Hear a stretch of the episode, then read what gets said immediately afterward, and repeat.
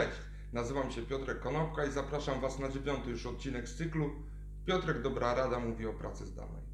Dzisiaj powiem kilka słów na temat narzędzi i tych, jak te narzędzia powinny wspierać nas w pracy zdalnej oraz tego, w jaki sposób potwierdzać bądź zaprzeczać wykonaniu danej czynności.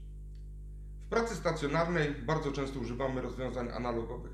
Najprostszym rozwiązaniem analogowym jest kartka papieru i długopis. Idziemy, podpisujemy odbiór, zostawiamy komuś informację na, na biurku. Wystarczy właśnie do tego standardowa kartka. Czasami wystarczy rozmowa, ale gdzieś w tle mamy jedną czy drugą osobę, która jest świadkiem takiej rozmowy, gdzie informacja jest przekazana.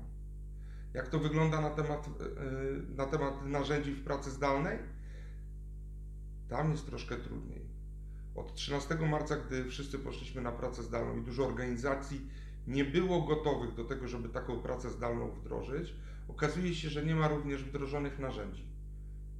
Co to znaczy narzędzie? Na przykład w jaki sposób podpisać listę obecności. Wszystkim od razu się kojarzy, że powinno być jakieś zaawansowane narzędzie wdrożone, które pozwala liczyć obecność, które pozwala składać wnioski urlopowe i akceptować te wnioski urlopowe, które pozwala sprawdzić, jak dużo tego urlopu mamy i kiedy nam się kończą badania lekarskie. To jest narzędzie zaawansowane kadrowe, ale czasami wystarczy zwykły mail wystarczy listę obecności papierową zastąpić mailem wysłanym rano, że zacząłem pracę i wysłanym wieczorem, że tą pracę skończyłem. Czasami wystarczy skorzystać z facebookowego messengera do wymiany informacji, jeżeli nie umiemy z niczego innego korzystać. Podoba Wam się Zoom? Korzystajcie z Zooma. Umiecie korzystać z Hangouta Google'owego? Korzystajcie z Hangouta Google'owego. Po prostu korzystajcie z tych narzędzi, które są dla Was proste i intuicyjne i które umiecie zacząć wdrażać już dziś. Ponieważ wdrożenie każdego narzędzia to jest zbudowanie nawyku.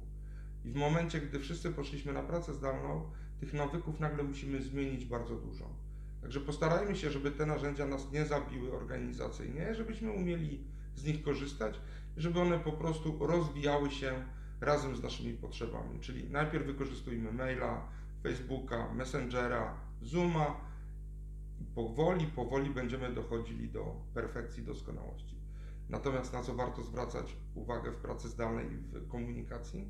Na to, że jeżeli czegoś nie ma na mailu, to to nie istnieje. Ludzka pamięć jest zawodna i czasami po prostu rozmowa nie wystarczy. Także pamiętajmy o tym, żeby po każdej rozmowie wysłać najprostszego maila z podsumowaniem i najlepiej, żeby ten mail był potwierdzony, tak zrozumiałem, tak zrozumiałam. Ułatwi nam to w bardzo znaczący sposób pracę. Pamiętajcie o tym, jeżeli czegoś nie ma na mailu, to po prostu nie istnieje.